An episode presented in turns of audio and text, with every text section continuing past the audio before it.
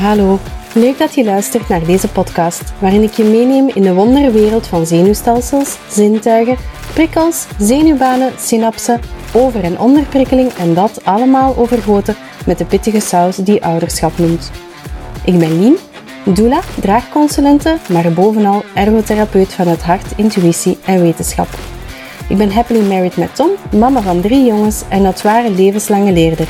En al die kennis wil ik graag met jullie delen. Welkom bij Prikkels en Dragen, de podcast.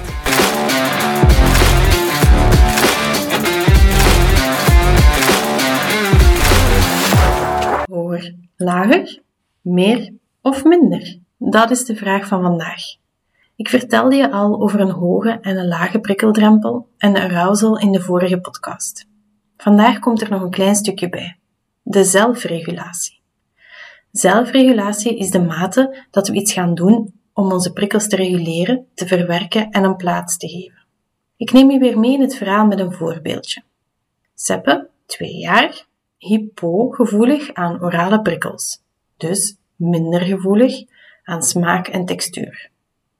Een actieve zelfregulatie kan dan zijn pikant gaan eten, olijfjes gaan eten, voeding met veel textuur, bijvoorbeeld de sultana koeken van vroeger. Zo die koeken met een hard buitenkantje en dan de rozijntjes van binnen en zo een laagje suiker van bovenop. Dat zijn heel veel verschillende texturen tegelijk in je mond. Zo krijg je toch de nodige prikkels binnen. Maaltijden blijven zo ook altijd leuk en spannend. Een passieve zelfregulatiestrategie zou dan zijn dat Seppe helemaal niks doet. Dat allemaal wel oké is. Eten is eten en hij eet omdat het moet, maar niet omdat hij ervan geniet of een nieuwe smaak eruit haalt. Actieve zelfregulatie, bewust gaan kiezen voor meer structuur, andere smaken, passieve zelfregulatie, niks doen en gewoon eten wat hij krijgt. Oké, nu zijn alle onderdeeltjes er. We hebben het gehad over zintuigen, verwerking, zelfregulatie en neurologische drempel. Heel veel info die dat we visueel maken door ze om te zetten in de vier kwadranten van Winnie Van daaruit gaan we het gedrag gaan bekijken en input gaan aanpassen om zo de output te gaan veranderen. Er zijn dus, zoals ik al zei, vier kwadranten. Zoekers, toeschouwers, sensors en vermijders. Vier zeer verschillende types die allemaal een andere neurologische drempel hebben en een andere zelfregulatiestrategie. We beginnen met de zoekers. Zoekers hebben een hoge neurologische drempel en een actieve zelfregulatiestrategie. Hoge neurologische drempel, weten nog, de kastelen. Um, dus zij hebben eigenlijk heel veel prikkels nodig, heel intense prikkels nodig om ze te kunnen voelen. En ze hebben een actieve zelfregulatiestrategie. Dus dat wil zeggen dat ze actief op zoek gaan naar die prikkels. Ze zijn eigenlijk de bezige bijtjes. Dat zijn de mensen die daar muziek opzetten bij het studeren. Dat zijn de mensen die een abonnement hebben op pretparken omdat ze de rollercoasters zo fantastisch vinden. Dat zijn ook degenen die daar constant zitten wiebelen op hun stoelen. De kinderen in de klas die daar zo op hun twee, op twee poten achteruit op hun stoel zitten. Dat zijn die kinderen. Of dat zijn ook degenen die daar zo knabbelen op het uiteinde van hun pen. Dat dat zo, die bikken die dat, dat dan helemaal kapot geknabbeld hebben. Of die dat zo op hun lippen daar heel de tijd zo velletjes en zo aftrekken. Dat zijn die mensen, die kinderen. Die hebben natuurlijk ook wel een aantal valkuilen, want dat klinkt allemaal wel heel goed. Maar er zijn ook wel een aantal moeilijkheden als zoeker. Ze hebben heel veel moeite met het aanvoelen van grenzen. Bijvoorbeeld, wat dat eigenlijk de bedoeling was van een lichte aanraking, wordt al een serieuze klop op de schouders. Doen ze dat expres? Nee. Maar zij voelen niet wat dat de grens is. Zij voelen niet hoeveel spierkracht dat, dat ze inzetten om dat licht aanrakingsje, dat klopken op de schouder, dat ze willen, willen geven, om dat een juiste dosering van kracht te geven. Ze vergeten ook vaak regels en afspraken, omdat alles wat te lang geleden is, vervaagt. Die zijn te zacht, die prikkels zijn te zacht en die raken niet meer over de neurologische drempel en worden daardoor ook niet opgemerkt. Hun arousal zakt ook vaak wanneer dat er gestopt wordt met een taak. Ze moeten dus er eigenlijk actief voor gaan zorgen dat ze op een goede hoogte blijven door druk bezig te zijn. Ze verliezen zich vaak ook in een bepaalde activiteit omdat die dan de juiste prikkels biedt, omdat die net ervoor zorgt dat ze voldoende prikkels binnenkrijgen. Het schommelen bijvoorbeeld, kindjes die uh, meer zoekerprofiel hebben, die blijven gewoon schommelen. Of die blijven rondjes draaien. Of die blijven um, prikken, dingetjes, prentjes uitprikken, omdat dat net de juiste prikkels zijn. Oké, zoekers. Volgende is de toeschouwer. Toeschouwers hebben een hele hoge neurologische drempel, maar een passieve zelfregulatiestrategie. Dus eigenlijk een tegenhanger van de zoekers. Zoekers hebben ook hoge neurologische drempels, maar een actieve zelfregulatiestrategie. Toeschouwers hebben dan een passieve zelfregulatiestrategie. Toeschouwers gaan niet op zoek naar prikkels, maar hebben ze eigenlijk wel nodig. Ze hebben vaak een hele lage arousal en eerder passieve uitstraling. Ze kunnen soms een beetje apathisch overkomen en weinig toegankelijk. En ze komen heel traag op gang.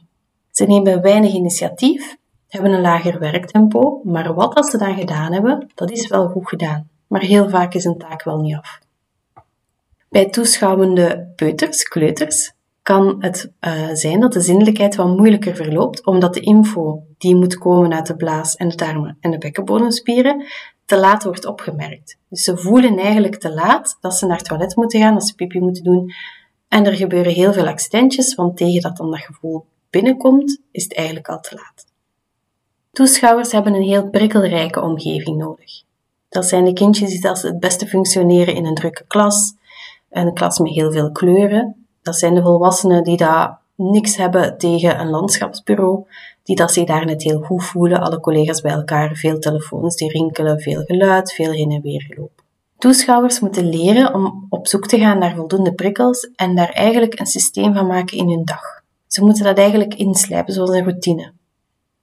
Bij kinderen is het eigenlijk aan de ouders om dat te doen. Zij kunnen dat nog niet zelf. Zij kunnen zelf geen strategieën bedenken of actief naar een prikkel grijpen, omdat ze die nog niet voelen.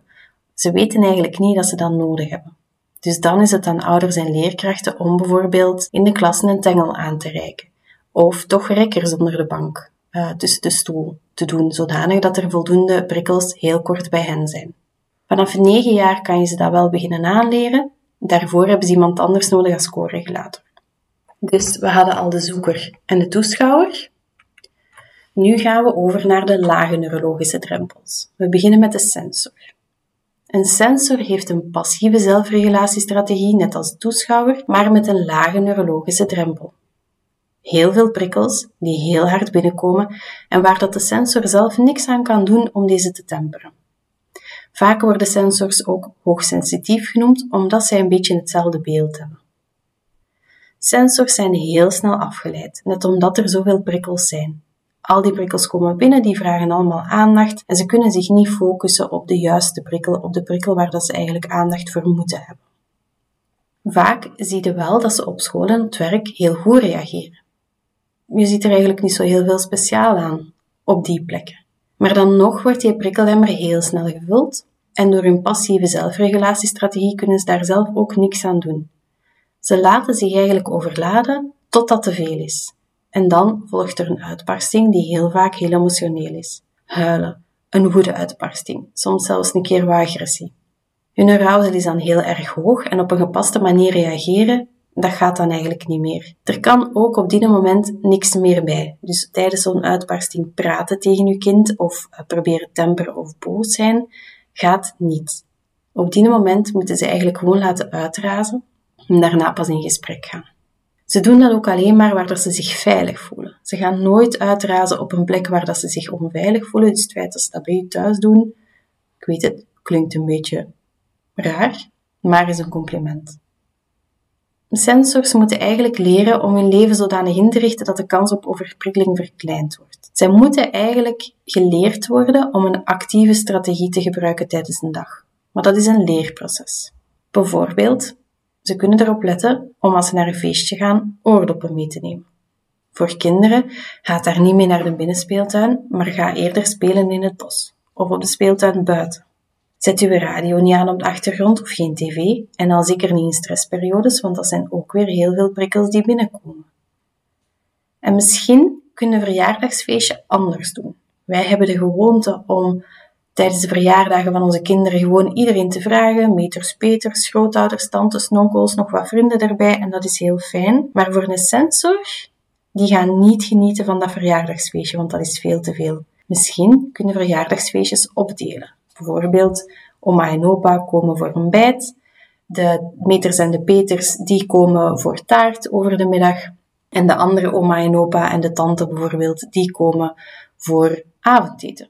En dan doen we iets simpel. Balkjes in tomatensaus, bijvoorbeeld. De vrienden die komen dan eventueel op een andere dag. Of die komen de week erna een aperitiefje drinken voor de verjaardag. Maar zo zorg je er eigenlijk zelf voor dat de prikkels gereguleerd worden en dat uw kind kan genieten van zijn feestje zonder dat daar een emotionele uitbarsting op volgt. Ik wil nog een keer benadrukken dat kinderen onder de 10 jaar dit niet zelf kunnen, dus dat ze daar eigenlijk echt in moeten geholpen worden, dat iemand anders dat moet doen voor hen. Hoe kan je nu zien dat een sensor overprikkeld is? Ze kunnen boos worden. Ze kunnen heel kort beginnen reageren op uw vraag. Ja, nee, misschien, ik weet het niet. Ze kunnen heel snel beginnen wenen voor het minste. Ze kunnen weigeren om een overgang te maken naar een nieuwe situatie, bijvoorbeeld vanuit de zetel naar de tafel om avondeten te komen eten. Of ze kunnen weigeren om nieuwe dingen te proberen. Op dit moment moet je eigenlijk als ouder ingrijpen. Je moet je kind ofwel uit de situatie halen, ofwel gewoon meer tijd geven, zodat ze kunnen wennen aan een overgang, of je kunt gaan compenseren met een ander zintuig, in de hoop dat die prikkelemmer dan een beetje zakt. Als volwassene sensor uh, zijn een aantal tips bijvoorbeeld uw gsm uitzetten en aan de kant leggen. GSM geeft heel veel prikkels, geeft heel veel verhoogde arousal. Doe dat ding gewoon aan de kant. Weekends beginnen leegmaken. Een volle agenda in het weekend zorgt ervoor dat je niet kunt ontprikkelen. Dus weekendactiviteiten schrappen. Voor de mama's onder ons. Pizza uit de diepvries is ook avondeten. Dat maakt veel minder lawaai om klaar te maken. En het grote bijkomende voordeel, je hebt daar geen bestek mee nodig. Dus veel minder lawaai aan tafel. Goeie tip. Ons laatste kwadrant is de vermijder. Vermijders hebben een lage neurologische drempel en een actieve zelfregulatiestrategie. Ze gaan actief prikkels uit de weg door bijvoorbeeld vingers in de oren te stoppen of weg te lopen, door niet in de zandbak te willen spelen of op de schommel. Ze houden zich ook vaak vast aan een vaste gestructureerde dagplanning en ze doen die dan ook heel strikt. Als er iets verandert, dan is dat een probleem.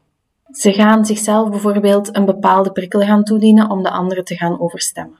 Bijvoorbeeld nagels afbijten, kan zoiets zijn. Vermijders komen vaak heel star over, maar dat doen ze eigenlijk niet bewust, dat is om overprikkeling tegen te gaan. Ze spelen graag telkens hetzelfde, omdat dat voorspelbaar is. Ze hebben een vaste ochtendroutine, het vaste beleg op de boterham, en afwijken daarvan is vaak heel moeilijk. Dat zijn ook de kinderen die dat tijdens de speeltijd liever aan de kant staan kijken en overzicht houden dan zich echt mee in die hele drukke, vreemdelende massa te gooien. Groepswerken, net hetzelfde. Groepsmerken als vermijder zijn zeer moeilijk. Je hebt daar geen controle over, je weet niet wat dat die anderen gaan doen. Nu was het maar zo simpel, hè? Gewoon even kijken in welk kwadrant dat je iemand kan passen en klaar. Maar jammer genoeg is dat niet. Er zijn heel veel combinaties mogelijk per zintuig en dan nog een keer per moment van de dag en per arousalniveau. Bijvoorbeeld, een kind kan s'morgens niet opstaan. Het licht moet aangedaan worden, het dekbed moet weggetrokken worden en je moet daar als mama of als papa 10 minuten staan zagen om op te staan en dan denkt je, juist, aan een toeschouwer. Dus je hoopt op een rustige ochtendspits, want toeschouwers zijn eerder passief. Maar op die moment is die prikkelemmer aangevuld, zijn die noden, is eraan tegemoet gekomen en dus voelt uw kind zich goed. Arousal zit op een ideaal niveau en uw kind begint vragen te stellen. Mama, mama, mama, wanneer dit, mama, wanneer dat, mama, waarom deze? Daarbij begint uw kindje rond te hollen, te springen. En je krijgt met uw, uw kind met geen stokken van de wereld stil aan de tafel om een boterham te eten. Dat is dan net weer het beeld dat we zien bij een prikkelzoeker. En dan moeten we nog naar school vertrekken om de dag dan af te sluiten met een woedebui, want de prikkels van de dag, die moeten er dringend af. Dat is dan weer meer het gedrag van een sensor. Het vraagt heel wat als ouders om mee te deinen op je eigen prikkels en om responsief in te spelen op de prikkels van je kinderen. Dit was het voor deze week. Volgende week gaan we terug naar de start van alles, de prikkelverwerking van de baby tijdens de zwangerschap. Tot dan!